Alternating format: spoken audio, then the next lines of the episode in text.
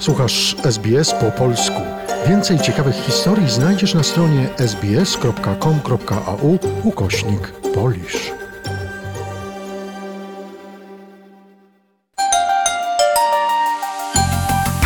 Wybory parlamentarne w Australii odbędą się 21 maja. Sondaże wskazują, że może je wygrać opozycyjna, centrolewicowa Partia Pracy, na której czele stoi Anthony Albanese. Obecnie w Federalnej Izbie Reprezentantów zasiada 76 przedstawicieli koalicji, składającej się z partii liberałów i Nationals.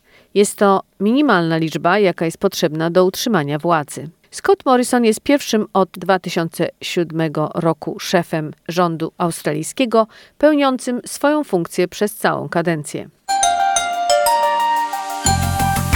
Tegorocznych wyborach federalnych około 96% uprawnionych Australijczyków jest zarejestrowanych do głosowania. Prawem i obowiązkiem każdej osoby, która posiada australijskie obywatelstwo i ukończyła 18 lat, jest wpisanie się do rejestru wyborców oraz zagłosowanie w wyborach federalnych. Rejestracja oraz głosowanie są obowiązkowe.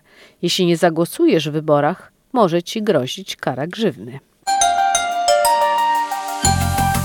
Na początku tego roku Australijska Komisja Wyborcza skontaktowała się z około 560 tysiącami osób, które są uprawnione do głosowania, ale nie były zarejestrowane. Tegoroczne wybory muszą odbyć się 21 maja. Wielu komentatorów spekuluje na temat potencjalnego wyniku wyborów. Niektórzy eksperci spekulują, że w tym roku istnieje prawdopodobieństwo tak zwanego hang parlament, czyli sytuacji zawieszonego parlamentu. Jednak wszystko zależy od liczby liczby oddanych głosów i ostatecznego wyniku wyborców. Zawieszony parlament to sytuacja, w której żadna z głównych partii nie ma większości mandatów w Izbie Reprezentantów, czyli w obecnej chwili dotyczy to rządzącej koalicji i partii pracy.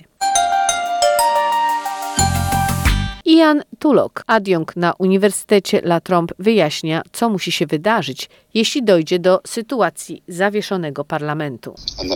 Uh, Sprowadzałoby się to do liczby niezależnych reprezentantów. W tej chwili jest ich siedmiu. Niezależni określiliby, która z głównych partii stworzy rząd. Zawieszony parlament ma sens w przypadku, gdy mniejsze i niezależne partie utrzymują równowagę sił we współczesnych rządach. Profesor nadzwyczajny Uniwersytetu Griffith Paul Williams tłumaczy, że tak zwany zawieszony parlament opiera się na poparciu mandatów przez partie mniejszościowe. Więc rząd czy partia musi zebrać razem 76 mandatów. To tyle właśnie posiada koalicja liberalno-narodowa Scotta Morrisona, która chce uzyskać tę liczbę. Gdyby stracili mandaty, powiedzmy wcześniej w tym roku i mielibyśmy wybory i wygrałaby je partia pracy, oznaczałoby to, że wchodzimy do rządu mniejszościowego i wtedy byłby to oficjalnie tak zwany zawieszony parlament. Ważne jest, aby ludzie postępowali zgodnie z instrukcjami do głosowania, aby mogli wypowiedzieć się i sprawić, by ich głos się liczył w podejmowaniu decyzji o tym, kto będzie w przyszłości zarządzał naszym krajem.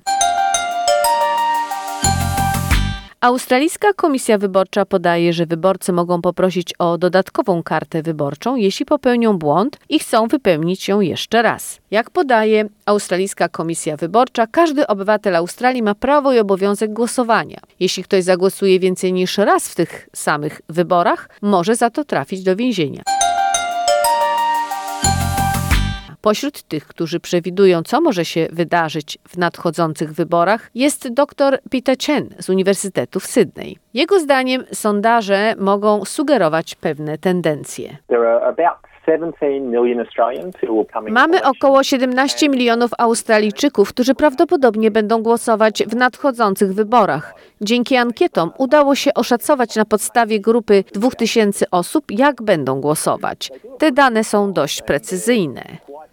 Evan Egin-Symph z Australijskiej Komisji Wyborczych zachęca wszystkich, aby jeszcze przed wyborami federalnymi zaktualizowali swoje dane osobowe. Jeśli jesteś jedną z osób, które potrzebują zaktualizować swoje dane, na przykład niedawno się przeprowadziłeś, musisz wejść na stronę Australijskiej Komisji Wyborczej, sprawdzić lub zaktualizować swoje dane, czy też zarejestrować się po raz pierwszy, jeśli jest taka potrzeba.